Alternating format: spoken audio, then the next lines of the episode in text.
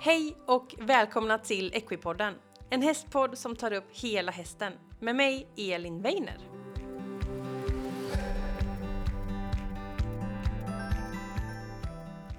Hej och välkommen till ett nytt avsnitt av Equipodden. Så kul att du är här och lyssnar på det här grymma avsnittet som vi snart ska dyka in i. Men jag tänkte börja säga att det här avsnittet presenteras i samarbete med Vida. Och Vida har jag pratat om innan. De gör ju olika stallströ, och pelletsprodukter till våra boxar. De gör det i pelletsform och de gör också i kutterspån i balform som är dammrensat och det är så bra för miljön och Vida håller otroligt hög kvalitet när det kommer till de här produkterna. Och i slutet av det här avsnittet då får vi lyssna lite på Vidas VD Erik Dahl som är med och pratar lite om den här bristen på spånprodukter som har varit och hur vi kan gissa att det ser ut framåt. Så missa inte att stanna kvar efter dagens gäst och lyssna lite på Vidas VD Erik. Och nu då till veckans avsnitt och veckans gäst det är en återkommande gäst och det är dressyrdomaren, Grand Prix dressyrdomaren Elisabeth Vermé. Och hon har varit med innan i podden och då var det avsnitt 117 och det blev jättepopulärt. Det var väldigt många som lyssnade. Så vi kände så här, vi kör ett till. Och i det här avsnittet har vi dykt in lite mer i liksom de här poäng och siffrorna och bedömningen när det kommer till dressyr. För vi börjar prata om skalan. Vad betyder det här 0 till 10? Och halvpoäng och hur, hur ser de ut i förhållande till varandra? Sen pratar vi också om olika rörelser på olika nivåer. Så vi tar några rörelser på varje nivå, lätt, medelsvår och lite svår dressyr. Rida upp, rida på volt, skolor, skänkevikning, rygga och så vidare. Och så pratar vi lite om hur ska det se ut egentligen? Och Elisabeth hon kopplar också till hur ska det se ut om det kanske är ett underkänt betyg, kanske en fyra, ett godkänt betyg på en sexa eller ett bra betyg på en åtta. Och vad skiljer? Vad får gå fel? Vad får inte gå fel? Och så vidare. Så verkligen en djupdykning. Och såklart pratar vi lite också om eh, det här allmänna intrycket som är längst ner i protokollet och Elisabeth hon trycker verkligen på att hon är där för att se förtjänster, inte för att hitta fel. Och jag tycker det är så fint sagt. Så eh, om du gillar dressyr, kanske har en tävling inplanerat, då vill du inte missa det här avsnittet. Så nu kör vi igång veckans avsnitt med dressyrdomare Elisabeth Vermeer.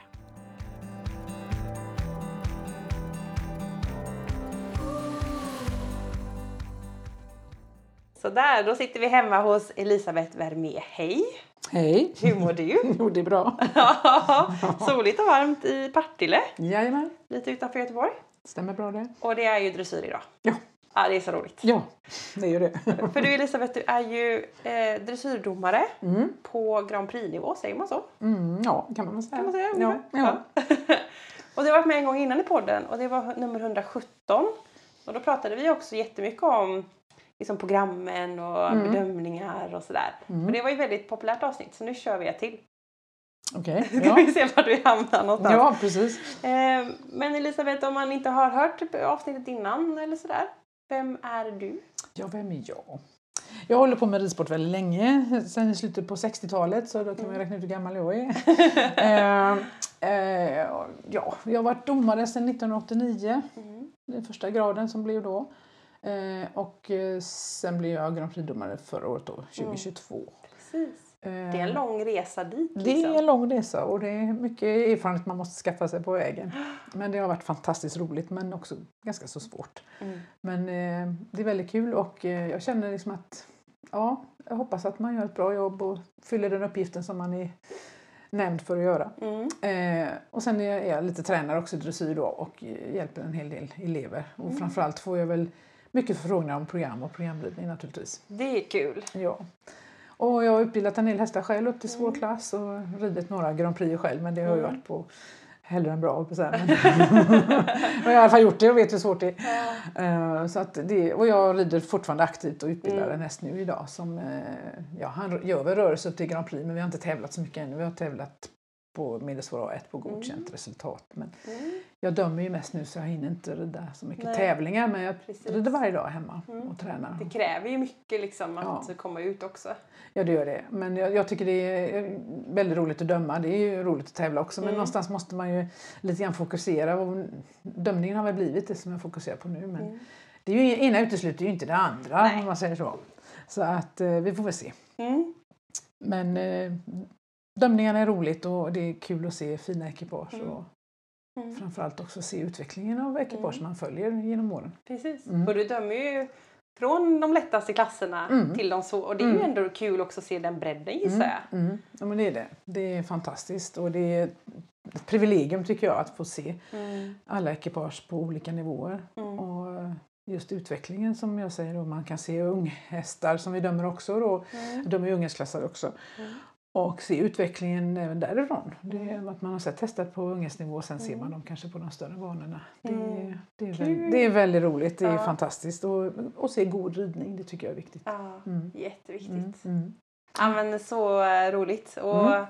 ja, man har ju sett dig på Facebook. Du är ju väldigt aktiv. Det är mycket tävlingar det har varit nu. Mm. Ja, jo. Mycket helgjobb. Ja, jo, det är ju helgerna som går. Mm. Eh, Men eh, jag har dragit ner lite grann på mitt eh, vanliga yrke så att då har Mm. jag mer tid att kunna lägga Mm. på just att Kul. döma på helgerna.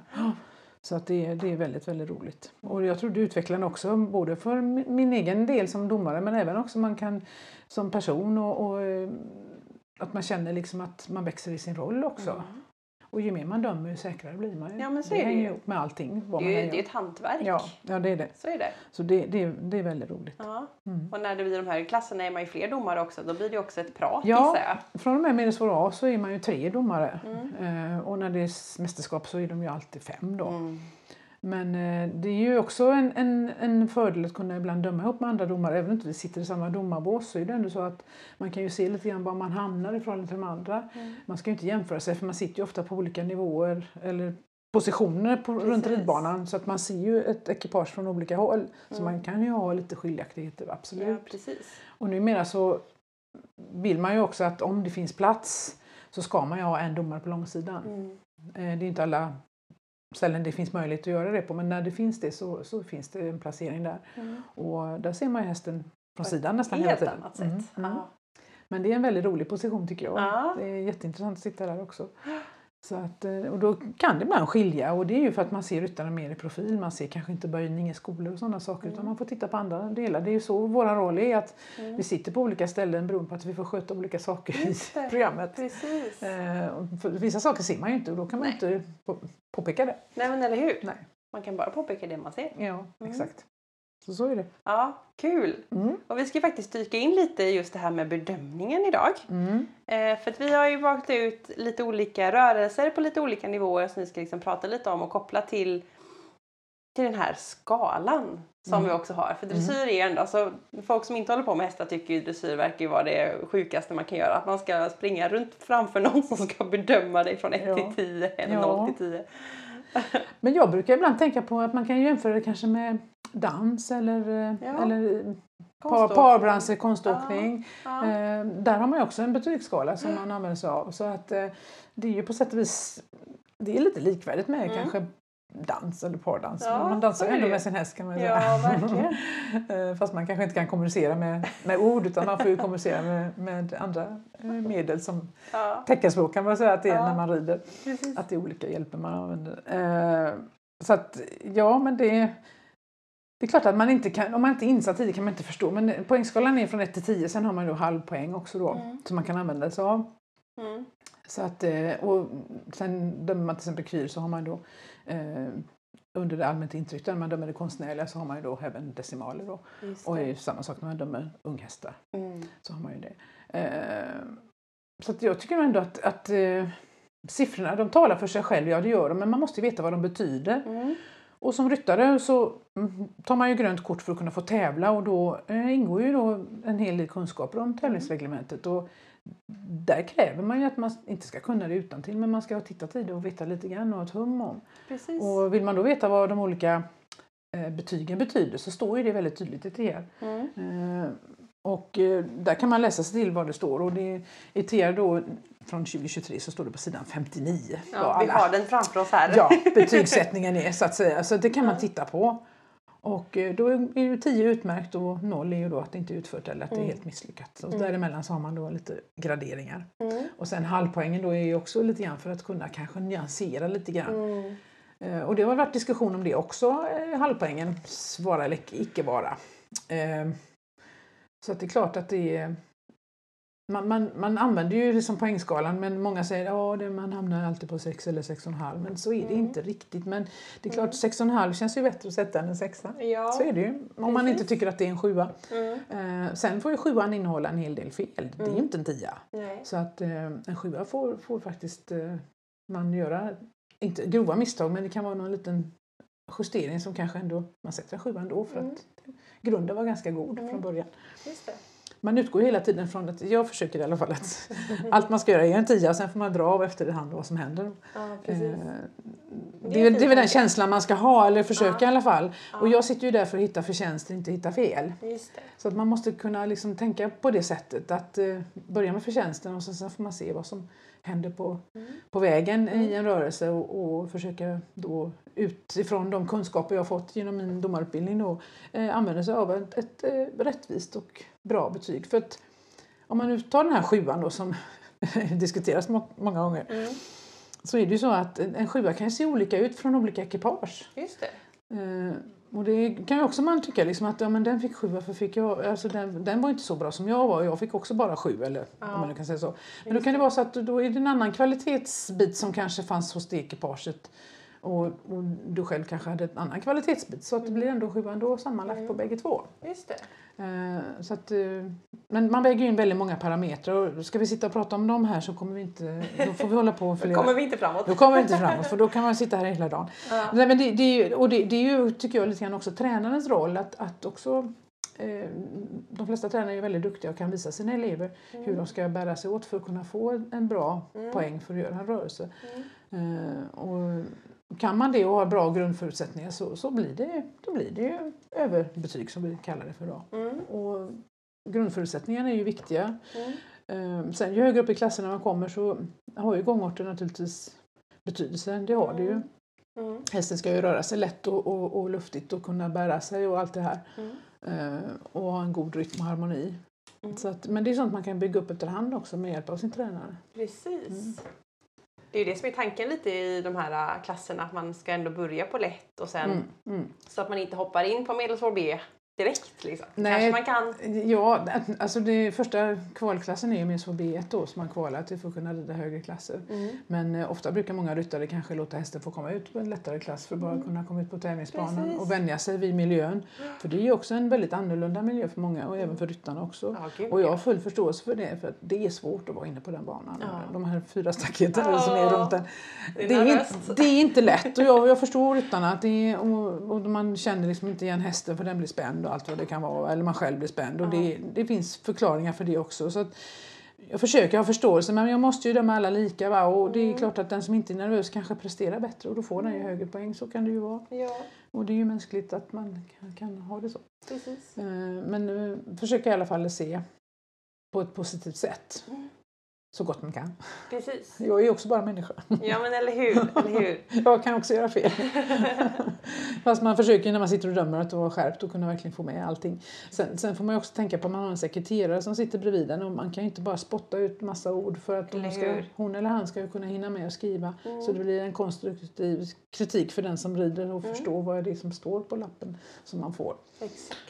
Annars är man ju välkommen att komma och fråga. Jag, Ja. jag är alltid öppen för det om man vill fråga Ja. efter klassens slut så har man full rättighet att göra det om man är, Mm. tycker det är en konstigt uttryck eller något Mm. sånt. Och det kan det vara så att det kan bli missförstånd mellan, mellan mig och sekreteraren ibland om det går fort och så. Mm. Så att det, det är inte alltid så lätt och jag hinner inte läsa igenom protokollen noga, alltså, inte liksom nagelfara dem mellan varje ekipage, det går inte, det hinner man inte utan man får se till så alla siffrorna finns nere. Är Precis. det viktigaste. Kolla så vi inte missar något. Liksom. Ja, precis. Ja. Och ibland kan man missa en kommentar och då Ja. får man i så fall, om man inte vet, så får man komma och fråga. ja, Mm. det låter väl jättebra. Ja. Men från noll då, noll då har vi inte utfört rörelsen. Och Nej. så tio är Ja, utmärkt. ja, det är utmärkt. Och, och det, tiorna är inte jättevanliga men det, det har väl hänt att man någon gång har satt det. Men, eh, Ja. men eh, nior förekommer ju, absolut gör det. Och nio är ju mycket bra. Mm. Så absolut kan man sätta det. Vart sätter man godkänt då? Vad är godkänt? Har godkänt, alltså, man, man säger ju att, att sexan är, är ju liksom då godkänt eller ja, eh, Mm. det är liksom det som, som numera är godkänt. Förr var det femman då men man Mm. ändrar ju det till sexan. Mm. Och sen femman är då med tveksam godkändhet eller så att, Mm. Eh, ja. Femman är väl inte, alltså det är inte, det är inte underkänt men det är heller inte liksom, det är inte jättebra heller. Nej, precis. Men ibland är ju femman eh, inte lika hård som fyran om man säger så. Mm. Eh, för fyran är ju lite mer då icke godkänt och att man inte har lyckats kanske så bra. Mm. Till exempel en, en typisk grej att man kan få en fyra i ett- om man gör ett galoppombyte till exempel och det är Ja. orent Ja. och inget annat händer då kan det bli att man får en fyra för där Mm. kan man ju inte sätta eh, godkänt på det eftersom bytet är orent till exempel. Nej, eller, eller om man till exempel rider i galopp och man får ett avbrott i trav. Ja. En bruten gångart är alltid ett underkänt betyg. Du måste Yes. kunna bibehålla din, Yes. din galopp eller din trav eller vad du nu rider i. Det är Ja. samma sak om du får travinslag i en skate. Mm. Så är det samma sak där då. Mm. Men eh, man hoppas ju att man får sätta så lite låga poäng som möjligt och så höga som möjligt. Det är, Ja. det är ju förutsättningen. Det är, ju Ja. väldigt, det är väldigt roligt när man får sätta de höga betygen. Ja, det är det, man blir väldigt glad. Ja, det är Kul. jätteskoj. Det är faktiskt, man blir så glad själv när man får lov att göra det och man ser en, en fin Mm. och bra rörelse som, Mm. med, position, med bra precision. Då. Mm. Så runt sex godkänt. Eh, och det många, många vill ju ha den där sjuan, åttan liksom. Ja, och sen är det ju då att när man tittar på när man ska kvala så ska man ju uppnå ett visst antal procent då för att kvala vidare. Mm. Och då är det ju 62 uppåt, 64 är det också vid någon. Mm. Så att eh, då är ju det som är många som räknas som godkänt kan man väl säga. Just det, för då har man liksom klarat den här nivån. Då Ja, är det då ja, går för vidare. att kvala och gå vidare. Ja, Mm. precis. Och sen har man ju andra siffror då när det gäller ungdomsklasser och så men det behöver vi inte gå in på. Nej, de är lite, de, de är lite för sig. det är något eget. Ja. Det får vara ett annat avsnitt. Ja, ja, unghästbedömningarna. ja, det finns sådana som är duktiga på det också. Ja, precis. Ja. och vi ska liksom använda lite den här skalan för det är ändå den som lever i dressyren och det är den som liksom ändå på något sätt Mm. Är grunden för vad det blir. Och så ska Ja. vi försöka då gå in på lite olika rörelser i olika klasser och så ska vi prata Ja. lite om hur vi kan hänga ihop med den här skalan Mm. då. Hur kan det tänkas ut? Mm. Och det är ju jättesvårt för det är jättemånga parametrar såklart. Ja, det Som du sa, en häst gör ett fel och en annan häst gör ett annat fel. Det kan bli samma Mm, poäng. mm, Liksom. mm. Men eh, vi ska försöka lite grann. Ja. Och vi tänkte vi skulle börja lite i lättklass. Mm. Och då har vi någonting som i och för sig, det är med i alla. Vi, vi ska ju på något sätt in på banan, rida upp och göra en halt. Mm. Det är Ja. svårt. Ja, det är svårt. Eh, I Let's See finns det ju inte det när man startar utan då rider man rakt upp på midlinjen. Men, Mm. men eh, från och med Let's B så är det ju då att man gör halt och hälsar. Eh, det är svårt Mm. eh, och det kan man aldrig träna för mycket. Eh, framförallt så det man tittar på där det är ju det att man, man vinglar upp på där, som jag brukar säga. man ska ju helst försöka vara rak ja, och att hästen ska bjuda då. Ja. Och det kan vara känsliga hästar som reagerar på domarbordet eller där domaren sitter och tittar uppåt och Mm. då blir det kanske lite vingligt för de tappar bjudningen och sådär. Eh, Så att det, det är väl förutsättningen är att man ska göra en rak uppridning och att man går in i en halt och hästen ställer upp eh, någorlunda hyfsat. Mm. I lättklass kräver man inte att de ska stå exakt liksom med alla fyra benen intill varandra. Men, eh, alltså parallellt då. Mm. Eh, men står de bra fram så, så är det ju bättre än att de står ojämnt fram naturligtvis. Precis. Eh, Men sen kräver man inte att bakbenen ska vara exakt liksom parallella med varandra. Mm. Eh, och sen ska man då stå i halten och kunna ta tyglarna i en hand och, och hälsa på domaren. Mm. Och sen ta tyglarna i bägge händerna och rida framåt. Mm. Med ganska så bra liksom, ja, bjudning då. Mm. Och det är inte heller alltid så lätt. Eh, så där får man ju då titta lite grann på vad som händer och så får man utgå ifrån det och sätta betyg efter det. Mm. Eh, ofta så yngre hästar speciellt, de kanske ställer upp lite snett och för de känner sig lite osäkra Mm. och sådär. Och det är inte alltid lätt att parera. Och ibland ska man inte hålla på och krångla för mycket i halterna, i alla fall inte under själva tävlingsmomentet. Utan Mm. blir det lite snett så, ja, Ja, skit i det. ja så fortsätt Ja. istället. För att Ja. börja liksom joxa och trixa i halterna kan göra hästarna väldigt spända och, och då är ju risken att de aldrig står stilla i halterna. och Just det kan det. vara ett jätteproblem. Ja. Eh, och ju mer laddade de är desto svårare kan det vara. Mm. Så att, men det är min rekommendation att träna mycket uppridningar på medellinjen. Mm. Och framförallt också just att träna och komma ur halten också. Mm. Eh, får man det snyggt, för det, det, är ju ändå, för, det är ju ändå första intrycket man får på ett ekipage. Ja, Eh, och kan man då göra det bra så blir det ju positivt redan från början. precis. Men sen hänger man ju inte upp sig på det för det, det släpper man ju sen när man har, har dömt den så är den klar. Mm. Då, då ligger det bakom Mm. utan då tittar man ju framåt på vad nästa som grej. helst. Ja, precis. Men det måste ju också lite skönt som ryttare att känna att man sätter första. Mm. Man känner att jag börjar på ett bra sätt. Ja, och, det, och sen när man kommer upp i svårare klasser då så ska man ju komma ifrån galopp. Mm. Och då ska man ju gå in halt. I lätt A kanske man inte kräver att man ska omedelbart stanna. Utan då får man ha en, en, en eller två steg i någon annan mellanliggande gångart. Men ju högre upp man kommer så vill man ju att den ska komma direkt från galopp in i halten. halt Ja, så testen liksom går in mjukt i en halt. Det ska inte vara att den störtar in och liksom blir framåtstupa utan försöka komma in mjukt och sätta in sig. Och det är det som kräver så mycket träning. Mm. Och sen har det med hästen att göra också. En del hästar kanske pullar lite grann på midlinjen och blir lite heta. Och då kan ju halten gärna bli lite abrupt och det, är- det är ju inte heller så bra. Men det, det är väl träning som gäller där egentligen. Sen är ju tävlingssituationen är alltid väldigt, väldigt speciell. Så Ja, den kan man ju aldrig precis. förutsätta så att säga att hur det ska bli. Men om man tränat hemma och får det någorlunda så kan det ju funka på tävling. Precis. Förhoppningsvis. Precis. Ja. Sen är det ju så att eh, i all bedömning så har man ju med liksom utbildningsskalan och, och grunden när man tittar på det här. Och det som är viktigt här är, är ab- absolut att hästen har en bra takt. Mm. Att takten finns med. Mm. Så att det är ju viktigt. Och kommer man då in i galopp så ska den ju vara helst tretaktig. Och sen när Mm. hästen kommer ur så kan du starta i trav att den är jämn. Och har en bra takt. Mm. Så det är också med. Så att bedömningspunkten halt och inridning den går ju ända fram till C. Precis, det är Så- hela Så att man säger ju inte liksom ett betyg förrän hästen har kommit fram till C för då kommer nästa. Mm. Så att man inte är för tidig där. Sen kan man kommentera halten men det kan hända saker efter halten också. Ja. Så att det får man Det kan vara- det verkligen göra. så Desto det får man, närmare man kommer desto ja, läskigare blir det. ja, precis. Så det får man ju vara beredd på. Ja. Eh, så att, eh, ja, det, så framridningen ur halten är minst lika viktig. Mm. Men i en lättklass är man ändå lite mer förlåtande än de högre klasserna. Men hur mycket, alltså sådär man skulle försöka tänka en, en, eh, en sexa, en godkänd jämfört med en, en åtta som är bättre eller om man tänker att du hade satt en fyra. Hur hade de Mm. olika sett ut liksom? Ja, alltså om det blir underkänt så kan det hända saker som att hästen ställer sig snett eller den står... eh, Den står Mm. Och då ser du framåt att det liksom åker ut Ja visst, den står och Ja. åker med benen och den kanske ramlar in i halten och kommer väldigt mycket i framvikt. Mm. Eh, ryttaren får jättemycket i handen eller hästen slår sig fri Ja, eh, eller sådana saker. Va? Ja. Och, eller titta på publiken, då, då blir det inte jättemycket betyg utan Mm. hästen ska ju stå på, kvar på tygen någorlunda Ha fokus. och liksom vara beredd på liksom att, att det ska gå framåt efter en stund och vara liksom eh, lyssna på sin ryttare och stå Mm. stilla. Och, och stillheten är ju väldigt, väldigt viktigt att de står still. Mm. De får inte röra sig i halten för det blir också en, en, eh, lägre betyg då och kanske till och med underkänt, det beror på. Och går hästen bakåt så är det garanterat, då, är det ju, då har den inte någon bjudning alls och då, då blir det också underkänt. den får inte gå bakåt. Nej, Mm. precis. Och som, om man då som domare sitter vid E eller B då ser man också om halten blir på plats. Ja, Det är, för på vissa program är den ju vid X, eller Ja. på väldigt många program är ju första halten vid X. ja. Och då ska den vara på X. Sen får man ju vara lite förlåtande igen där och så, som sagt var i lättklass är man ju bara en domare men, men eh, då får man ju se liksom lite grann hur, hur halten blir också när man ser den från sidan och så. Mm.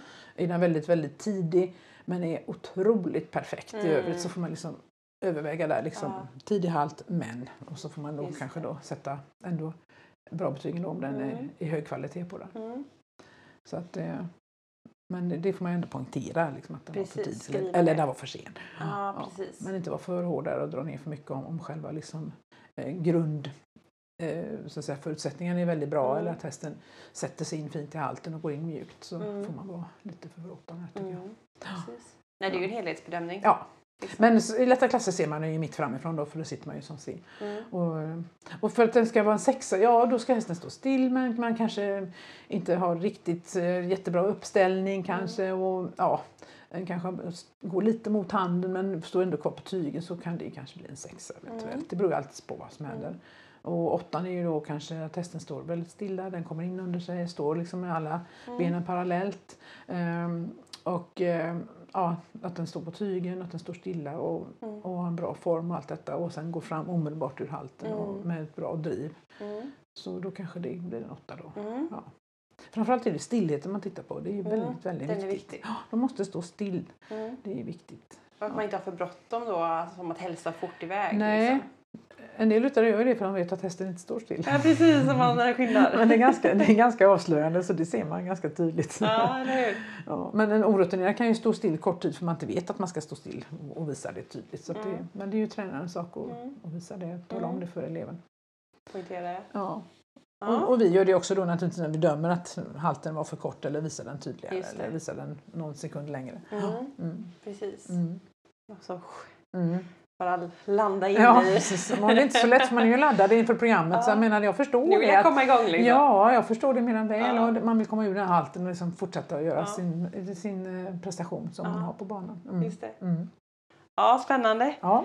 Eh, och när vi ändå är inne lite på halt så kan vi lägga till halt och ryggning. ja, det är ju samma sak där. Att där ska man ju markera halten. Hästen ska stå still innan Ja. den börjar rygga. Precis, inte fram och sen rätt bak. Nej, och den ska heller inte gå fram. När man väl har gjort halten får den inte gå fram och sen bak. Utan den ska stå still i, i, i halten och sen börja ryggningen. Och då ska hästen flytta benen diagonalt. Alltså, som, alltså om den flyttar höger fram så är det vänster bak och, och vice versa.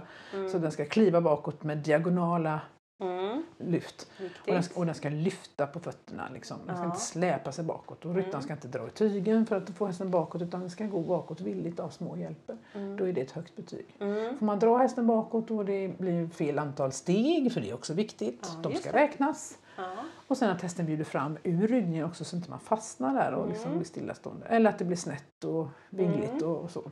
Så det är jättemånga parametrar man kan titta på i en ryggning. Och hästen ska ha munnen stängd, det ska den ha egentligen i hela programmet. Men många hästar gapar och det är ju inte helt enkelt att påverka det heller. Eh, om de är nervösa så kan de ha lite fladdrig mun kanske eller så. Då.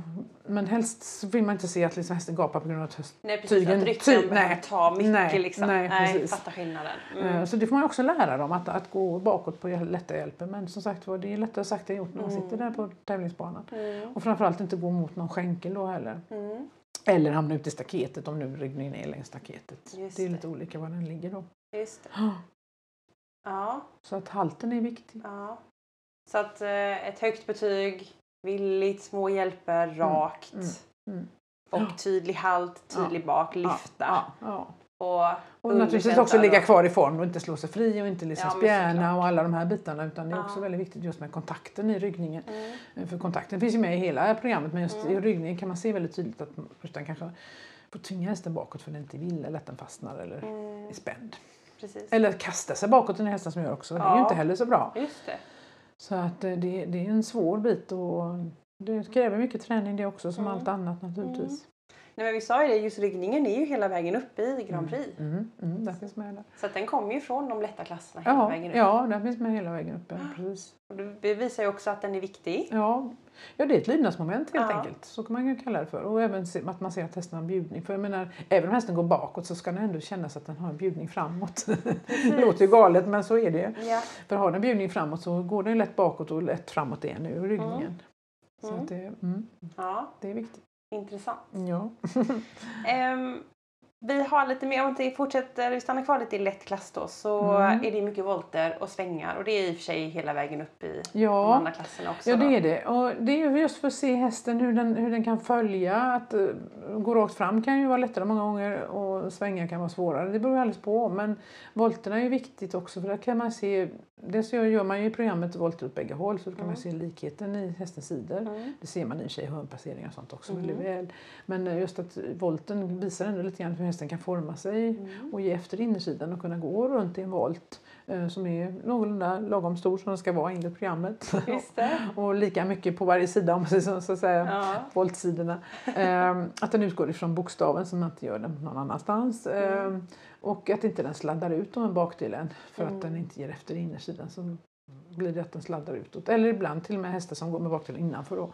Men det vanliga är att de sladdar med bakdelen ut om inte de ger efter innersidan. Mm. Så det är sånt man får träna och, och, och mm, verkligen hålla om hästen på ett ändamålsenligt sätt så att den kan följa Mm. och inte dra runt den innertygen för det går inte alltid så bra. Och de får inte vara för böjda i halsen heller. Utan Nej. halsen ska ju vara ungefär samma böjning som volten kan man väl säga. Just det. Just det. Och inte för rak heller och inte utåtställd heller. Mm. Mycket att tänka på. Ja det är det. Så att, eh, det gäller ju att man har ordning på framförallt bogarna på hästen också för att faller ytterbogen ut så blir ju hästen ofta för böjd i halsen. Ja. Så det blir ju en, en eh, liksom fortsättning på det då. Mm. Så det kan, vara, det kan vara svårt men det är sånt man får träna också. Sen får man inte träna för mycket volter. Det är lite ansträngande för hästen. Men, men eh, med hjälp av sin tränare kan man ju sätta upp liksom koner kanske på en ridbana och göra Mm. liksom, eh, ja, 10 meters volt eller 15 meters volt vad man nu rider i, i lättklass då. Mm.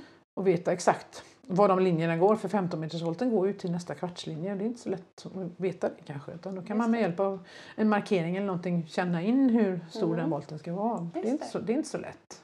Just det. Nej, men det pratade vi lite om innan vi började spela in här, att, kunna, att veta banans storlek. Mm. Det är ju Och viktigt. få den här Ja. känslan för vart volten ska hamna. Ja, Jag brukar fråga många som tar hjälp av mig då att vet du hur bred banan är? Nej, jag har inte en aning. Så får man tala om att den är 20 meter bred. Ja. Och är man på 40-banan är den 40, annars är den 60 då, så att man vet det. Eh, Och framförallt också tycker jag, jag försöker säga till många att försöker lära dig, inte kanske utan till vad bokstäverna är, men på ett ungefär vad du har bokstäverna. För då är det lättare att rida, man vet liksom jag ska till S eller jag ska till V. Att man liksom tittar på bokstäverna när man rider programmet också. Så man hamnar på rätt punkt. Mm. Och inte sladdar igenom och svischar förbi utan försöker verkligen lära sig att den och den rörelsen ska gå mellan den och den bokstaven. Eh, och inte bara tänka liksom att man ska gå vägen utan att man vet att man ska. För till exempel vissa skritter går ibland till V och ibland till K, alltså det är lite olika. Och ibland kan man säga att man går mitt emellan för att man kommer kanske inte ihåg exakt och det är ju, det är ju mänskligt. Att man inte kommer ihåg om det skulle vara till V eller K eller hur det kan vara. Mm. Men Just det, det. det är ett tips jag kan ge. Mm. Att eh, rid gärna när man tränar. Inte bara när man rider program utan överhuvudtaget för att tala om för hästen vad man vill och berätta liksom vad som hända ska. Ja. Så kan man förbereda hästen på att känner hästen att man är eh, väldigt strikt med att rida på bokstäverna till exempel eller Mm. på punkter överhuvudtaget. Det behöver inte vara Mm. just på bokstäverna. Men då, Mm. då blir ju ridningen mer precis också. Ja, blir mer detaljrik. Ja, ja. Yes. Och, och just att man kan förbereda hästen och, och få en, eh, ja, en, en, en harmonisk ridning. Mm. Att det inte blir bara åh jösses nu kommer en volt och så svänger man runt där i full fart. Ja. Och förbereda. Och det, det gäller allt. Och jag kan säga det att eh, när det gäller till exempel piruetter, det är ju någonting man ser väldigt mycket att Ibland kommer de i väldigt hög fart så tänker jag så här, hur ska de hinna kunna komma runt här nu också? Nu ska det vara liksom en häst som ska sätta sig på sina bakben och galoppera runt sin egen axel och kunna Ja. liksom komma... Då kan man inte komma mellangalopp in som Nej. det ser ut som vissa gör. Ja. Och sen får man inte samla för mycket heller så hästen står på stället och inte kommer någon vart heller. Så det gäller ju då kan man Mm. Ja. hitta liksom hur Hitta lagom mycket hur Ja. man ska samla Ja. inför en sån svår rörelse som piruetterna faktiskt är. Och Mm. det är ju från och med med svår A1 man rider halvpiruetter då. Mm. Och de är ofta koefficient 2 också så det är mycket betyg man kan förlora om man misslyckas. dyr. Men de är svåra, det är ju därför de ligger så som de gör. Ja. Men eh, det kan man tänka på att man förbereder hästen och det gäller ju alla rörelser så det är inte bara piruetterna men de i synnerhet som kräver så mycket samling. Precis. Mm. Och jag tänker på de här volterna då. Eh, ska vi koppla dem också till skalan om man skulle göra en 4 volt, en 6 volt eller en 8 volt? Mm. Ja, för att en volten ska bli fyra, till exempel om hästen slår sig fri och tappar Mm. formen och sladdar ut och Mm. volten får fel storlek, den blir oval eller den blir Mm. jättestor eller Mm. helt fel. Då klart, då kan man inte godkänna det, då får Nej. det bli ett underkänt betyg. Mm. Eh, en sexa kanske man gör volten någorlunda men man kanske inte har riktigt den eh, trycket till hästen kanske eller bärigheten eller att den inte är helt stadig i formen kanske och Ja. sådär. Alla hästar kan ju inte vara det heller. Mm. Eh, Men det är ändå det, är ändå det som tillfredsställande om man säger så. Mm. Och sen åttan, då är det ju en häst som kommer med ganska bra, liksom, bra liksom, eh, balans och, och kan forma sig lätt och ligger stadigt i formen och, och följer linjerna Mm. som ryttaren då, eh, så att säga, visar upp.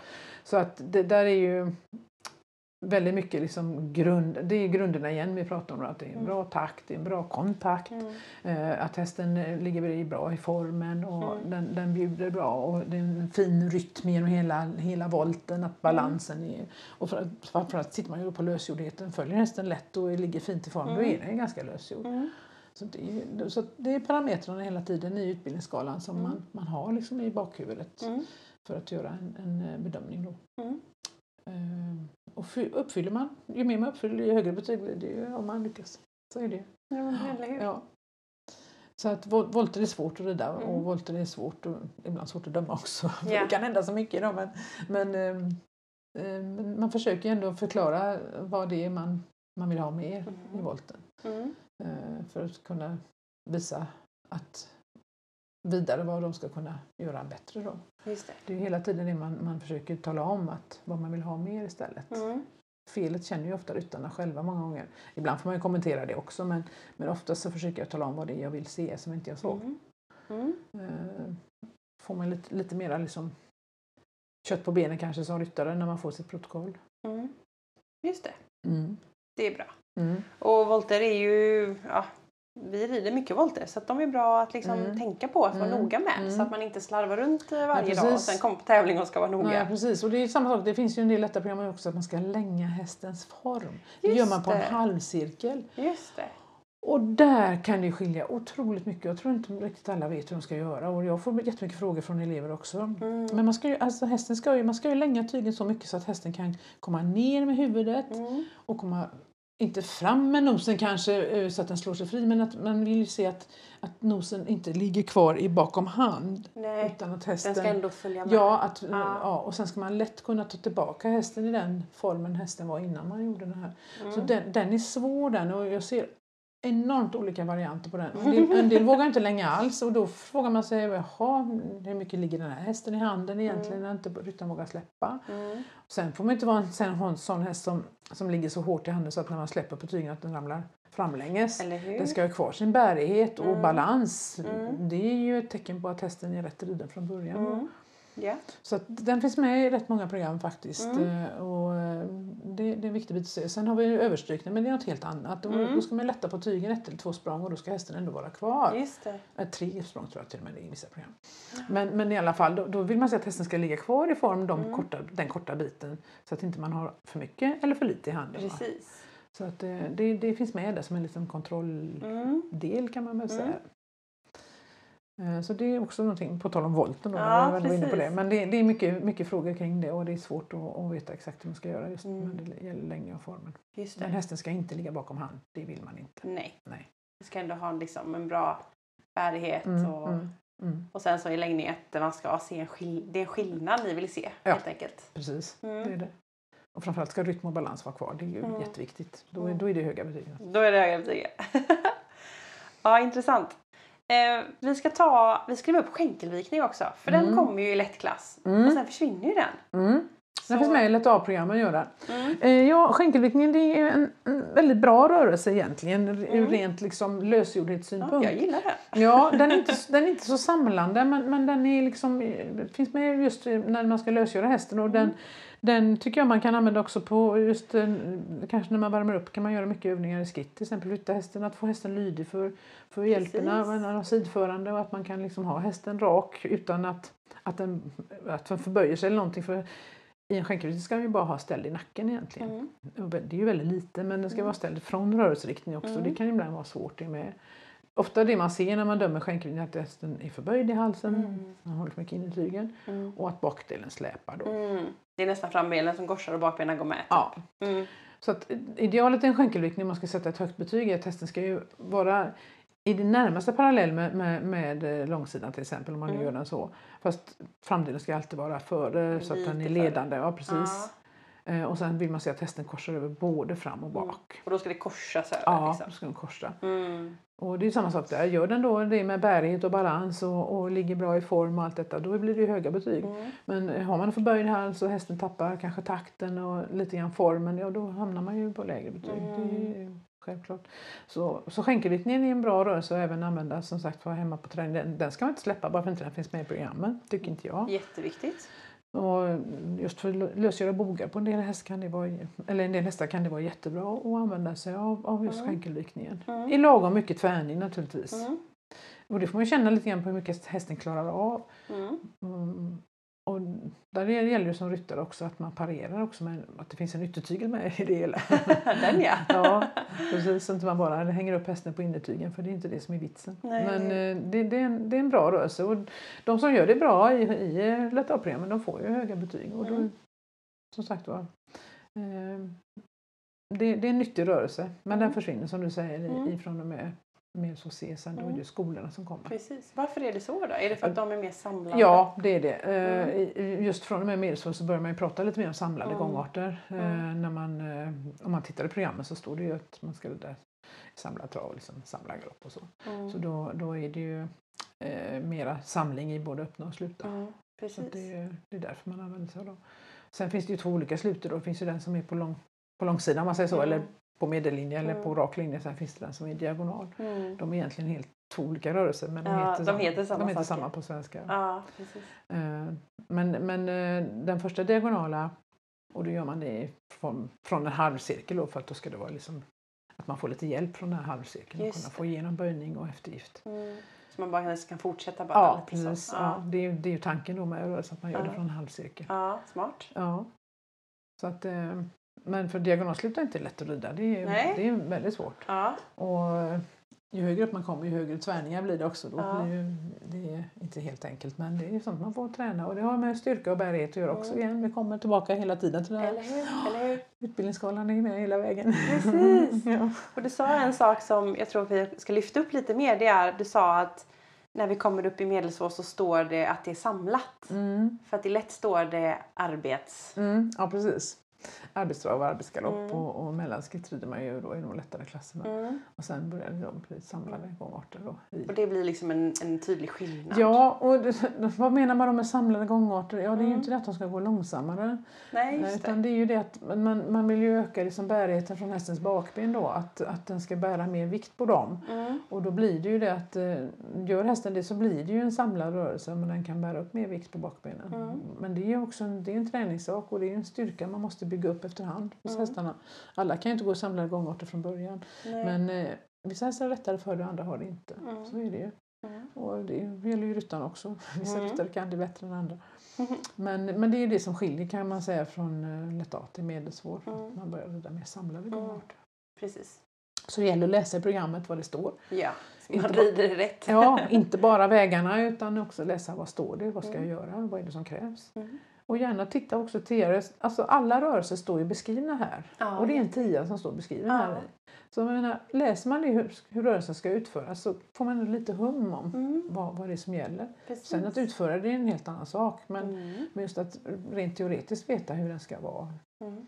Sen är det ju en känsla man får. Liksom, jag menar, hur känns det att rida en sluta när hästen är eftergiven och bara bjuder framåt? Det, Mm. det är ju svårt att beskriva med ord. Det måste man ju nästan uppleva för att veta. Jajamän, jajamän. Så att det är ju, eller en, en härlig samlad galopp eller en härlig ökad galopp eller en härlig ökad trav. Det är liksom Mm. hela tiden det här, det är en känsla som hela tiden ska, ska liksom återkallas på något sätt. Att man ska uppleva hur det känns. För det, Mm. har man aldrig känt på en rörelse så vet man inte hur den ska vara. Mm. Utan vet jag hur den ska kännas, ja då vet jag vad jag ska leta efter för att komma dit. Precis. Och det är inte så lätt. Men eh, med hjälp av tränare kan man ju försöka i alla fall nå så långt det går Precis. vad gäller det. Och, eh, och det tar väldigt lång tid att lära sig och känna det. Mm. Ehm, Så att eh, det är en lång väg att gå men jag tror att med mycket träning och, och med mycket liksom hjälp ifrån marken så tror jag man, man kan hitta och uppleva Mm. det någorlunda i alla fall på sin häst. Precis. Sen har det ju med grundgångarterna att göra också naturligtvis. Om det, hur det känns och om hästen är stötig eller om hästen är lätt att följa. Det varierar ju väldigt. Ja, så är det ju. Ja. Vissa hästar är ju skumpigare än andra. Ja, så är det. Och det är inte så lätt att sitta på dem. Och det, det får man också ha förlåtelse för. Men sen är det bra om man inte stöter dem för mycket i ryggen för det kan ju vara obehagligt för dem. Eller hur? Ja. Också något att tänka på. Ja. Ja, men vi lämnar lite lätt klass då, så går vi upp i medelsvår klass och Mm. lite vad som krävs där. Och Mm. då skrev vi återigen det här att rida rakt upp. Och vi nämnde ju lite det. Mm. Eh, Men nu har vi högre krav och nu kommer ju också in galopp. Ja, just det. Som vi, vi nämnde Ja, det lite. ja, det gör man ju från att lätta också. Gör man ju galopp. Men, Just men just, just eh, ja, när det, och då ska man ju, om det då står att man ska rida upp i samlad galopp så ska det vara samlad Då ska galopp. det vara det. Ja. Ja. Och så ska hästen då försöka, eller önskar man ju att den går in i halten Mm. Så snart som möjligt utan att ramla på näsan. Mm. Eller slå upp huvudet. Då. Så Mm. det gäller ju då att, att man hittar det också och kunna hitta den balansen och kunna Mm. rida lagom. Det är samma sak här också, med, det har ju med tempot också. Har du väldigt Mm. högt tempo in i halten så är det svårt att göra den lätt och snyggt. Ja. Då blir det gärna att man störtar in Ja. på, och hästen blir framvikt. Så att ja. det är också någonting man behöver tänka på att verkligen ha en lagom bra tempo in i Mm. halten också. Att man känner liksom Mm. att det får inte bli att det är för långsamt så det blir vingligt men det får heller inte vara för hastigt så det blir liksom abrupt. Va? Precis. Och det är en konst. Ja. Men det som jag sa igen, som jag sa förut, att det är mycket träning som krävs och mycket att hitta balansen där. Och det Mm. gäller ju då att inte man gör halten bara med händerna utan man måste ju liksom använda säte och skänkel också. Mm. Och lära hästen det. Mm. Att när man sitter till att det betyder någonting. Mm. För det ser man ju på de ryttare som använder säte så ser man ju att hästen, då behöver man inte ha så mycket i handen och inte Mm. använda tygen så mycket. Och det är ju idealet om man inte behöver det utan det, är, det ska ju vara en lätt kontakt. Och den blir ju ganska hård om man ska göra en, liksom en halt ifrån någon halvgalopp som inte är samlad. Då blir det ju mycket hand. Ja, precis. Sen beror det på hästen också naturligtvis. En del hästar lägger sig mer i hand än andra men det är ju sånt man får försöka lära dem att träna bort. Det är ju inte alltid så enkelt. Men, Mm. För, men det, det jag ser på tävlingsbanan är ju det som jag ser och det är det jag dömer. Jag kan ju inte Ja. veta hur hästen går på, hemma på träning. Nej. Jag hoppas ju att alla hästar går jättebra på träning hemma också. Ja, eller hur? Nej, du har ju en väldigt ögonblicksbild. Ja, det är ju det. Jag måste ju döma det jag ser här och nu. Och eh, jag måste vara väldigt... eh, Alltså, det är också, i och med att man är människa, men man försöker ändå vara liksom konsekvent. Att man, man dömer samma fel Mm. på samma sätt på alla ryttare. Va? Precis. Helst ska det vara så. Men det, Precis. det är inte alltid det går, men, men man försöker det. Att, Mm. att, eh, som jag sa förut, det här med sjuan då. Att ett, ett fel också ska bedömas ungefär på samma sätt. Men sen har det lite med grundförutsättningarna att göra. Har, har nästan fantastiska rörelser man ser Mm. att en rörelse håller på att bli en åtta och så händer det någonting. Ja. Då kanske inte den faller ner lika långt som en som kanske inte hade så bra förutsättningar från början om du förstår vad jag menar. Jag fattar. Ja. Eh, så att eh, det, grundförutsättningarna är ju väldigt, väldigt avgörande var slutbetyget hamnar. Mm. Så är det ju. Mm. Eh, men som jag sa, ett, fel är ett fel och det bedöms ju på samma sätt. Så även om en häst med jättefin galopp och den missar ett byte så får den fyra där ändå. Mm. Gentemot om det kommer en häst med lite mindre bärig galopp och den får ett felaktigt byte så får den ju också liksom Just underkänt där. Va? Så, Just det. Just det. eh, så, så, så, sådana tydliga parametrar är liksom inte så utan det är mer de här mittemellan sakerna som ibland kan bedömas olika. Mm. Och, eh. Det är väl lite, det är lite svårt att förklara men, men det beror också på var man sitter som domare och hur man ser Mm. rörelsen. Precis. Precis. Och det är ju alltid man tittar ju just på det här med rakriktning finns ju med också. Rakriktning finns ju med som vi nämnde på volten också att hästen ska spåra. Just Det är ju det. det som är rakriktning. Jag menar, hästen kan, rakriktning ska ju finnas även på ett böjt spår. säger så. Jajamän. så Jajamän. det tittar man också mycket på att, att, eh, att hästen spårar. Mm. Eh, och, det, och där har ju vi domare som sagt jag försöker i alla fall och tänker mycket på det att man tittar på hörnpasseringar och hur ryttarna rider hörnpasseringarna. Mm. Eh, och i de lätta programmen finns ju faktiskt med hur man rider vägarna och Mm. då finns ju hörnpasseringar med som en liten underrubrik där. Då. Mm. Så det, det är också viktigt att man tänker på det när man rider program, att Mm. rid ut i hörnen så gott det går. Mm. Och efter hästens förmåga naturligtvis. Mm. För att där får man väldigt mycket hjälp för där kan vi få mycket eftergift också genom att använda en hörnpassering. Att Mm. vi får en fin eftergift i den nya innersidan som kommer. Eller vad det är. Precis. Så att det, det är sånt man, man behöver träna på också. Mm. Och lägga, som jag sa tidigare, då, punkterna och använda sig av dem och verkligen försöka så gott det går. Mm. Och då när vi var inne på, vi var inne på någonting med, vad var det vi pratade om, det här med mm, skittpiruetter och baktidsvändningar. Precis. Ja, De var vi med där också. Ja, och det är ju någon, någonting som jag får fråga också. Ah, vad betyder skittpiruett och vad är baktidsvändning? Ja, precis. Skillnaden. Ja, skillnaden är det att i en skittpiruett utgår man från samlad skritt. Ja. I en baktidsvändning går man i eh, mellanskritt. Mm.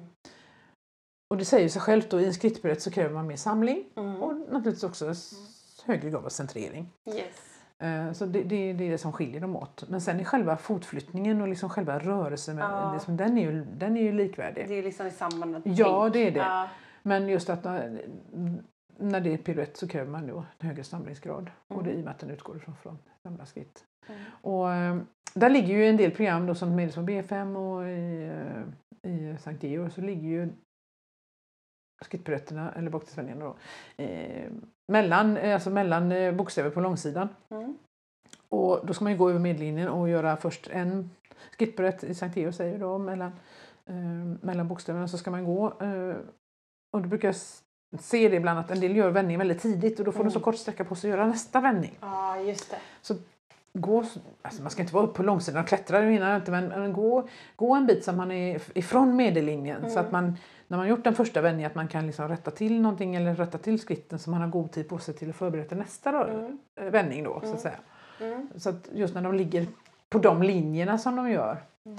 eh, så kan det vara bra att tänka på det just när man ska göra två efter, efter varandra. Just det. Sen finns det vissa program man bara gör en vändning Mm. eh, och den ska till exempel vara C eller vad man gör.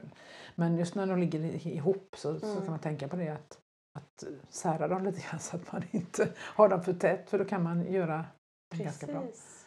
Det är, en, det är en svår rörelse. Det är, man kan se så många varianter på just skidpiruetter. så Både bra och dåliga gissar.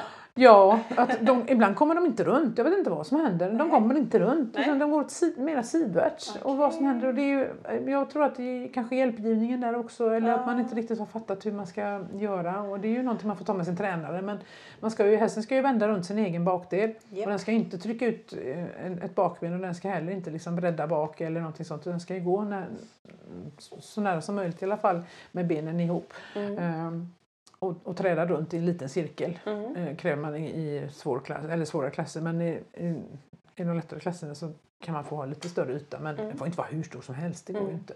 Mm. Så det är en svår vändning och, och den kan man ju, man kan ju alltså titta på säkert 50 olika punkter. Man kan Mm. bedöma hur en bakdelsvändning eller skittpiruett. Mm. Så det, det är en svår rörelse men det är ju därför den finns med så högt upp.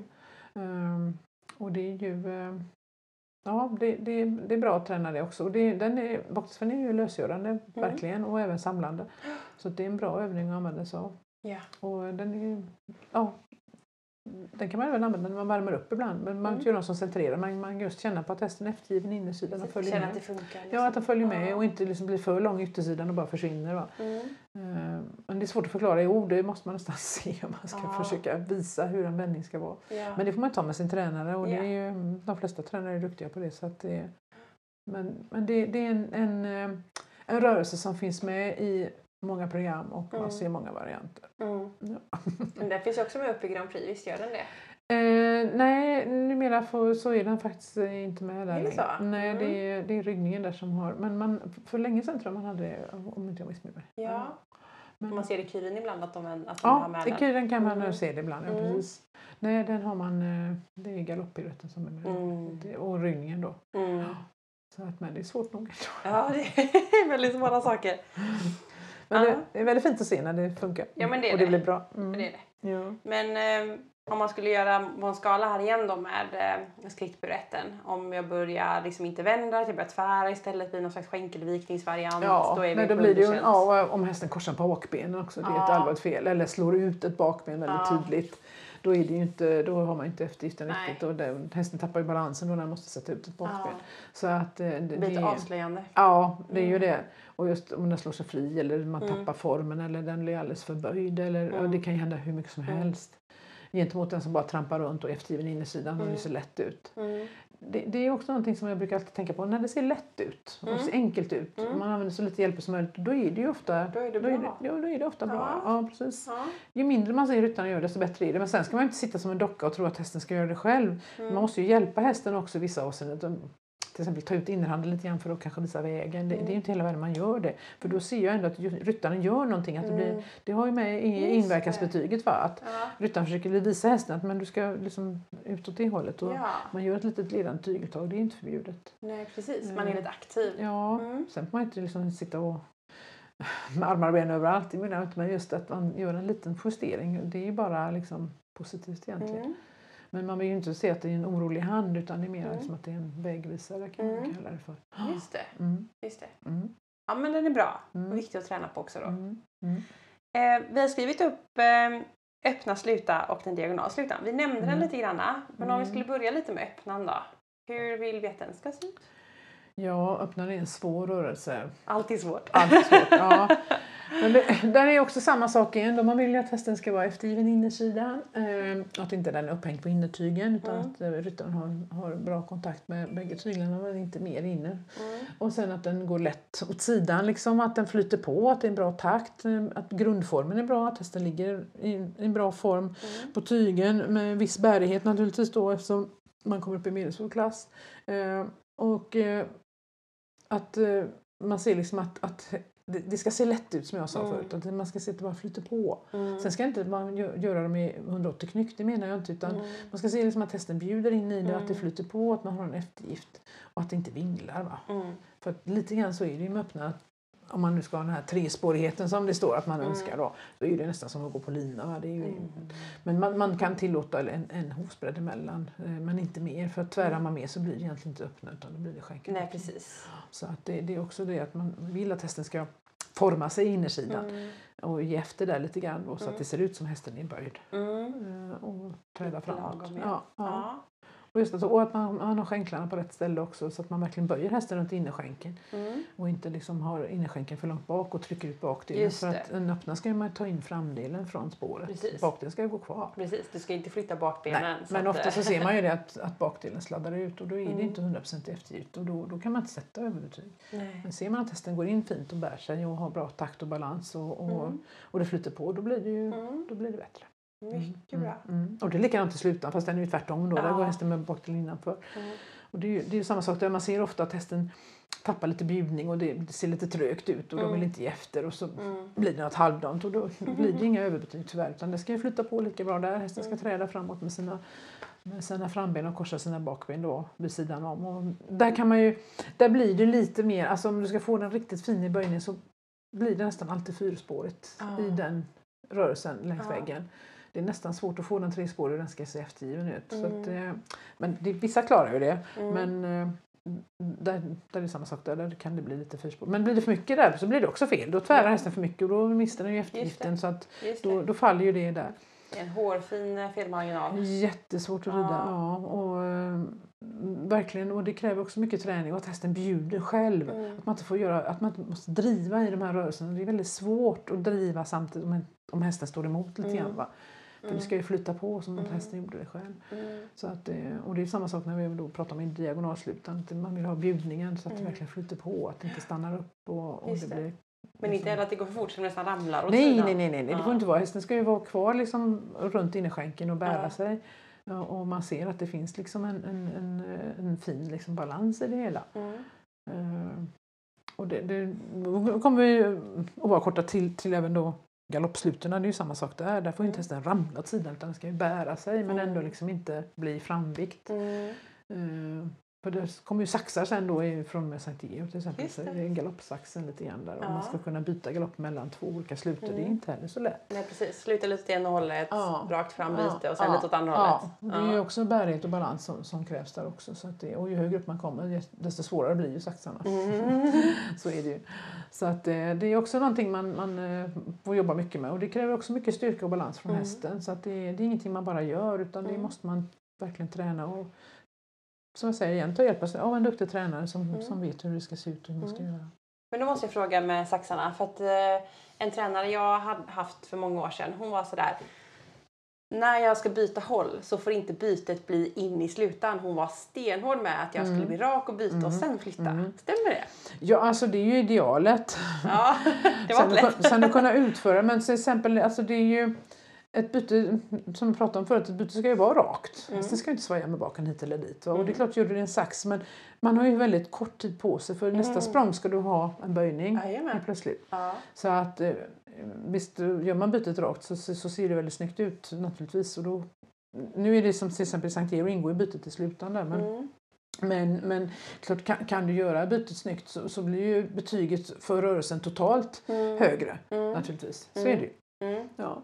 Något att tänka på. Ja. Sen, sen klart när man gör de här riktigt, riktigt branta saxarna som är i Grand Prix då, är, då har du så få språng på det. Så Ja. Men man vill ju helst att innan man då har ställt om att hästen ska ha bytt. Just det.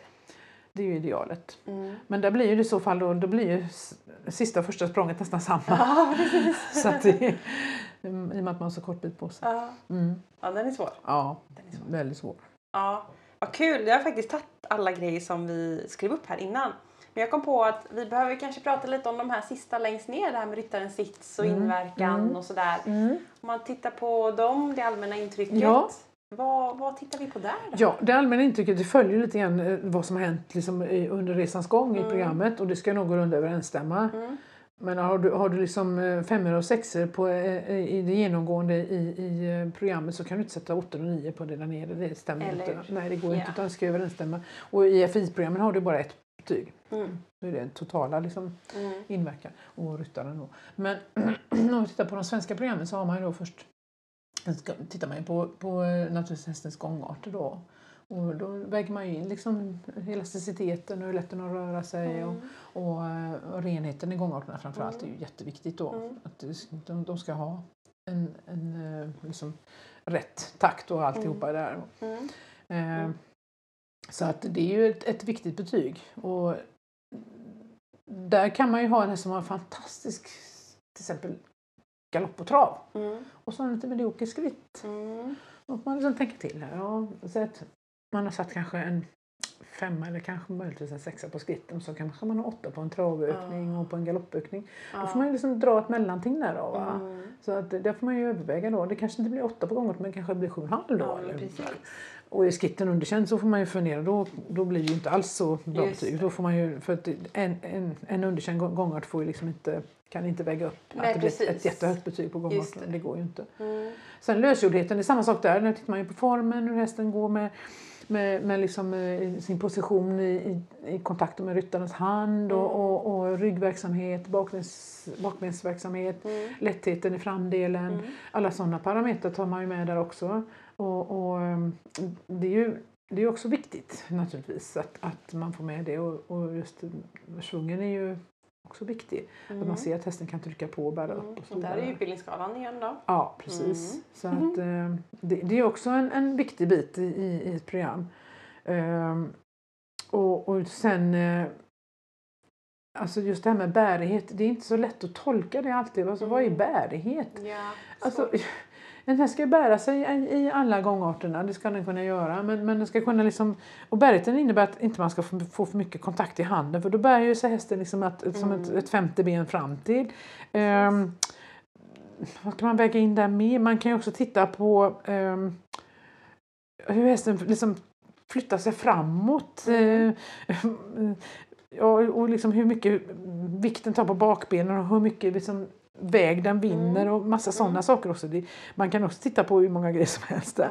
Ja, Ehm, stor punkt. Ja, det är ju det. Och, och just eh, när man eh, väger in sådana bitar så de går ju i varandra lite grann också. Så att Mm. det är inte alltid så himla lätt att särskilja kanske Nej, och, och visa. Men eh, jag ska ta ett exempel här kanske. ehm, ja, vad kan man titta på mer? Alltså det är också hur hästen rör sig lätt åt sidan. De Mm. finns ju också med i de här Mm. eh, betygen. Så det, det. det är så otroligt många bitar man, man kikar på. Mm. Och kunna väga in och få ett, ett samlat betyg. För där har man också inte så gott om tid på sig om man säger Nej, så. Man, precis. man Man, är- nej precis, och där, där, där är också man, man får vara liksom lite mera, eh, försöka sammanfatta och göra en, en, en fin sammanfattning för, eh, Mm. för ryttaren så att de får liksom en, en, en, en lite vägledning och sådär. Mm. Eh, framuppbjudning har vi med där också som ett eget betyg och det, Mm. det är också Ja, det är lite grann som jag sa där med, med bakbendsengagemang och, och Mm. lättheten och allt det här som finns med. Mm. Eh, vad hade vi mer i lösgjordheten? Ja, det är ju det här förtroende för ryttarens hand och Mm. bett och hur hästen tar bettet och, Mm. och, och ja, uppmärksamhet och förtroende och lydnad och allt sånt där har man med Mhm. också. Så det, är- Mm. det är också så- sånt som ska vara med. Mm. Och sen då det sista där är ju ryttarens sits och hållning då. Och det är ju, då tittar man också på korrektheten i hjälpen, hur man ger dem. Och, Mm. Effekten också. Jag menar, det kan ju finnas ryttare som ger hjälpen rätt men hästen svarar inte upp. det händer inget. Nej men, det, nej men så, nej men det kan ju hända alla va? Ja, det har jag varit med om. Och då kan man ju inte liksom sätta kanske en åtta där då om inte det har funkat liksom i programmet i övrigt. Utan då får man ju avväga det också. Men jag försöker få göra en sammanfattning Mm. och, och försöka liksom ge någon positiv och, och förklara varför det inte blir mer än så. Mm. Eh, så, så tror jag ändå det, man har gett liksom lite, lite liksom ord på vägen om man säger så. Mm. Man kan ju skriva en hel avhandling där nere kan man inte göra men, men man behöver ju ändå kanske förklara varför siffrorna blev så där uppe.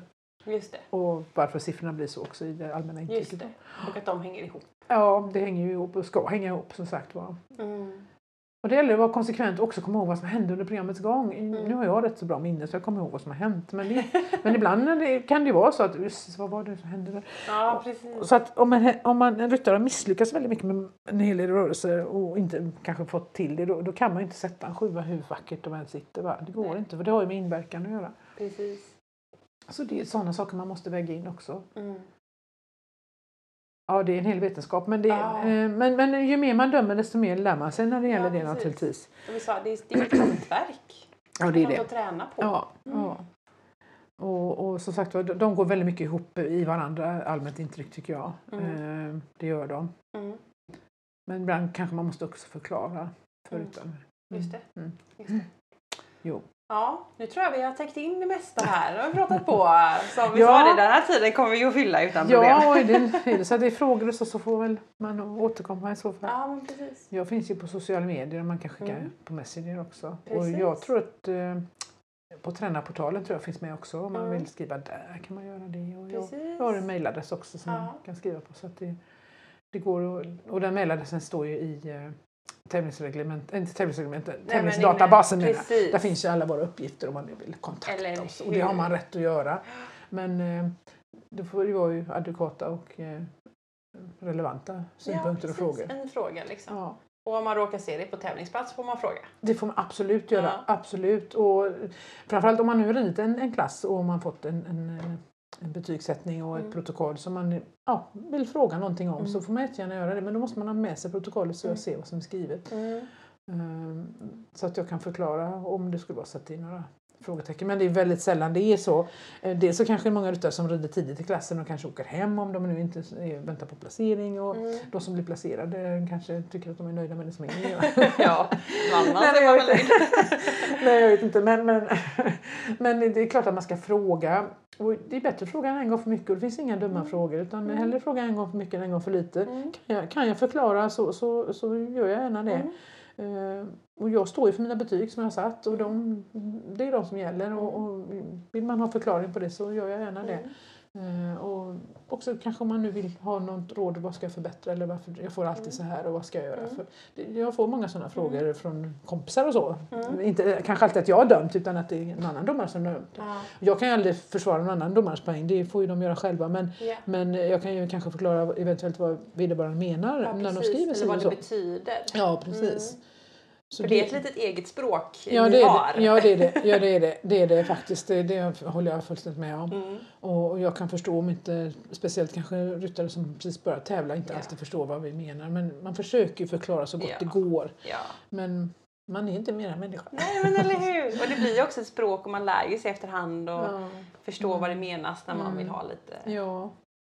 Men du sa Ja. det, visa halten mer så här, jaha jag skulle Mm. stått längre. Alltså att förstå de sakerna Ja, liksom. nej, men, Ja. och, det- och det, får, ju- det, kan man ju alltid, det kan man ju inte alltid få ner på pappret. Det är så, Eller hur? Det är så lite plats. Ja, man skriver, ja, det är så lite plats på protokollet och sen får man inte liksom ta det på skrivaren att de skriver ihjäl sig. Utan, Mm. Man får använda mycket förkortningar och ibland kanske man inte alltid förstår förkortningar. Och så, så det, nej, men då är det bra att fråga. Om vi ska föra sporten framåt så måste vi liksom lyfta många bitar va? Mm. Och, och, och stötta varandra och, och inte liksom leta efter så mycket fel utan försöka hitta förtjänsterna och förbättra det som inte är alltid så Mm. bra. Så kan man uttrycka det. Ja, det var Eh, fint sagt. Ja, så att det, för jag vet själv hur svårt det är att rida. Jag har själv tävlat mycket så jag vet precis vad det handlar om. Och eh, som sagt jag rider ju fortfarande och det är svårt. Och hästen är inte alltid med på noterna heller. Nej gud De nej. kan också ha en dålig dag. Herregud. Ja, de kan ha huvudvärk eller vad det nu är men de kan ju inte berätta det för oss. Nej. Men, men då, då får man ju ta hänsyn till det. Man måste alltid utgå från hästens förmåga. Det tycker jag är Mm. väldigt, väldigt viktigt. Mm, Det är ju faktiskt levande väsen vi har hand om verkligen. och inte tvinga till någonting. Och det, det, det kan vara svårt många gånger att, att motivera det och, eh, och helst inte ta så hårda tag om inte man behöver det. Men samtidigt så får man ju också vara försiktig så att man inte utsätter sig för faror. Japp. Så att det är en kombination där naturligtvis. Just det. Det är stora djur vi har med att göra. Verkligen. Ja. Och ja, Ja. väldigt spännande Mm. helt enkelt. Ja, jag hoppas att det kan vara till glädje och nytta för någon Ja, det tror jag. Annars får de ringa. på. Ringa och klaga. får de ringa. Men som sagt, det finns på sociala medier och du åker runt och dömer mycket och de här Ja. programridningarna är ju jättekul. Ja, jag har mycket programlinjer och det är väldigt uppskattat. Ja, det måste vara kul för dig också Ja, det att få det. Och, lite och då, utbyte. ja, och då kan man också prata med ryttarna efteråt. Man, Ja. man lägger så pass mycket tid så att det finns att man kan diskutera eller fråga vill du om Sätter man 10 Eller, minuter, en kvart ja, en kvart, en kvart minst i alla Ja. fall. Ibland 20 minuter. Och då Ja. rider, får de rida programmet och en del rider programmet två gånger. Ja. Och en del rider programmet och sen går vi igenom detaljer. Som, ja, Ja. och jag kan liksom visa bra. just om man har slarvat med vägen och tala om så här ska du rida. Då kan jag gå runt i manegen och visa hur man ska rida. Och visa på dig också. Ja, precis. Nej, men det brukar vara väldigt uppskattat och, och ibland så är det inte alla som vill tävla utan de nöjer sig med en programridning och det är jättenöjda med det. Och det tycker jag man ska få möjlighet att göra. Ja. Eh, och just att kanske om man har en yngre häst man vill komma ut bara och liksom visa den en, en dressyrbana utan att det är tävling. Det kan också vara nyttigt. Eh, eller att man är orutinerad och inte tävlar så mycket men kanske vill prova på ett program för Mm. skojs skull. Mm. Så det är väldigt uppskattat. Så det, det gör jag gärna och det, det är väldigt roligt att Mm. kunna, kunna försöka sprida lite grann av de kunskaper man har fått genom Eller åren. hur? Jätteviktigt. Ja. Ja men eh, fantastiskt Elisabeth, nu får vi ta och försöka Ja. runda av. Ja. Eh, Så det finns på sociala medier, tränarportalen om man vill ha kontakt och Ja. man får gärna fråga helt Ja. enkelt. Ja. Så säger jag stort tack att du vill vara med en gång till i Equipodden. Tack så mycket för att jag fick förfrågan. Mm.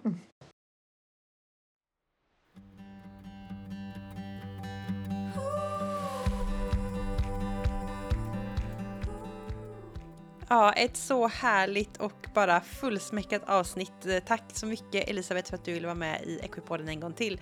Jag gillar gäster som verkligen delar med sig och man får grotta ner i detaljer och man får med sig så mycket verktyg.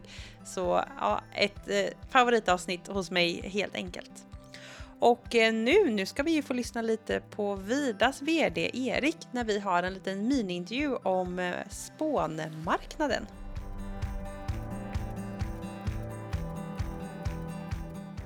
Sådär, då vill jag hälsa välkommen Erik Dahl som är VD på Vida Energi, Techwipodden. Hej Erik! Hej! Och vi ska göra en liten miniintervju här och eh, vi ska prata lite om den här eh, väldigt plötsliga bristen på ströprodukter som var i höstas. Och vi ska prata lite om hur marknaden ser ut och att det är lite svängigt, eller hur? Ja, absolut, det kan man verkligen säga. Och eh, det var ju väldigt svårt att få tag i liksom, det här pelletset i höst- höstas då. Och vad beror det på, du som är så insatt i marknaden? Ja, men egentligen beror det på den här energimarknaden vi har haft bakom oss som alla vet om. Alla har ju pratat el. El är väl det största samtalsämnet de senaste, senaste halvåret eller året. Typ så. så det är egentligen därför det har blivit eh, stökigt med både pellets och stallströ också. Och, eh, eh, och hela Europa och hela gas och Ryssland och allting som alla vet om. Så att eh, egentligen var det så att i höstas så var det många som började bunkra på sig väldigt mycket pellets. Man blev oroliga så många köpare köpte mer än vad man egentligen kanske behövde. Mm, mm, Det i sin tur påverkade också ströprodukter som ja, stallpellets och stallströ. Man, producerar mer, man har producerat mer pellets än stallströ. För de som har producerat pellets har haft en större betalningsförmåga än de som har producerat stallströ. Så det har blivit mindre stallströproduktion och det har också då påverkat volymerna på stallströ just det. ut lika mycket. Kan man säga. Mm. Mm. Jag förstår och det är klart att eh, när marknaden blir som den blir så plötsligt och så oväntat så är det klart att det påverkas och det är ju synd för eh, stall och hästägare som kommer lite i andra hand då när man behöver lägga eh, kraften på att producera för värme, eller hur? Absolut. Sen kan man säga att vi har hela tiden producerat stallströ. Vi har ju egna sågverk inom Vida så att vi har ju hela tiden haft eh, produktion till både stallströ och pellets kan man säga. Så att vi hela tiden, men vi har ju fått ett, också ett väldigt mycket större inflöde av kunder på nya kunder av stallströ vilket har gjort att ja, men många har velat köpa liksom, så att eh, vi har fått eh, fördela det så bra som möjligt kan man säga. Mm, mm. Jag förstår. Och hur ser det ut idag nu då? Det är fortfarande, man har mycket på nyheterna om energi och el och allting, men hur ser det ut idag? Vad tror vi? Nej, men jag tror att fortfarande, det är fortfarande allt är liksom ganska oroligt i hela världen just nu kan man ju säga. Så att, eh, det, är väl, det är ganska svårt att säga för mig. Alltså, det är ingen som riktigt vet. Men vi har ju en, liksom en ambition att vi ska producera producera både pellets och stallströ framåt också och liksom ha en hög produktion. Så vi kommer, jag tror att vi kommer producera mycket. Sen är det liksom frågan hur många andra kommer, mycket, mycket andra kommer producera så att hur marknaden kommer att se ut. Mm. Det är också en oro i hela marknaden med sågade trävaror. Det byggs inte lika mycket och det påverkar ju volymen av kutterspånet då som man använder till produktionen i stallströ. Så om det blir lika mycket kutterspån i marknaden vet jag inte, vet jag inte riktigt. Men vi kommer att producera i alla fall. Det är bra att veta. Men eh, vad har du för tips då till konsumenter som tänker att man, eh, när det kommer till att köpa ströprodukter, eh, vad ska man tänka på och hur ska man göra? Nej, men jag tror att eh, eftersom detta är både, om man kollar på både pellets och eh, stallströ då, så är det ju vinterprodukter. Pellets eldar man ju på vintern och stall, hästarna är ju inne på vintern, så det är vinterprodukter. Och de flesta historiskt köper de här produkterna på vin, under vintertiden också, liksom, så att man liksom tror att det ska finnas hela tiden. Men ja, mitt tips är att man köper, bunkrar på sig mer under sommarperioden, vår och sommar. Så man köper sitt större behov av sin volym just då, för då finns det nästan alltid volymer i marknaden, skulle jag säga. Mm.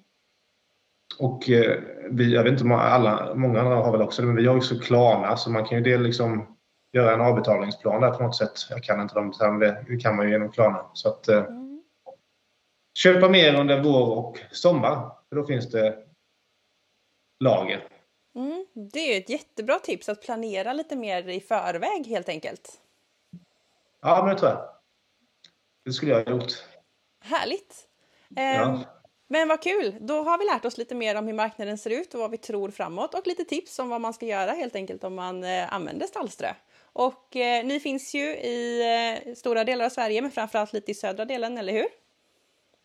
Ja, men vi är i södra Sverige så att eh, vi levererar upp till Stockholm kan man säga och sen neråt. Precis och har ju jättefina och bra produkter till häst och det har vi pratat om tidigare i podden så det får man lyssna tillbaka på helt enkelt. Men då får jag säga jättestort tack Erik för att du vill vara med och berätta lite om marknaden på Stallströ.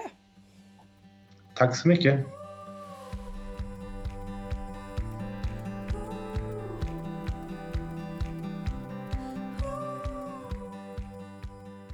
Ja, då har vi lärt oss lite om det. Tack Erik och tack Vida för att ni är med och eh, sponsrar Equipodden. Det gör ju att podden är möjlig att göra. Och eh, stort tack till dig som har lyssnat nu. Och nu när du har lyssnat ut hela avsnittet så kan jag tipsa om att nästa vecka då är det ett avtal, lagar och grejer när det kommer en advokat till podden. Och Ja, det är en advokat inriktad på häst såklart, så vi ska prata om allt sånt där avtalsgrejer som gäller med häst. Jätteviktigt avsnitt, så missa inte det. Och eh, ja, jag får önska dig en fantastisk vecka så hörs vi snart igen. Hej då!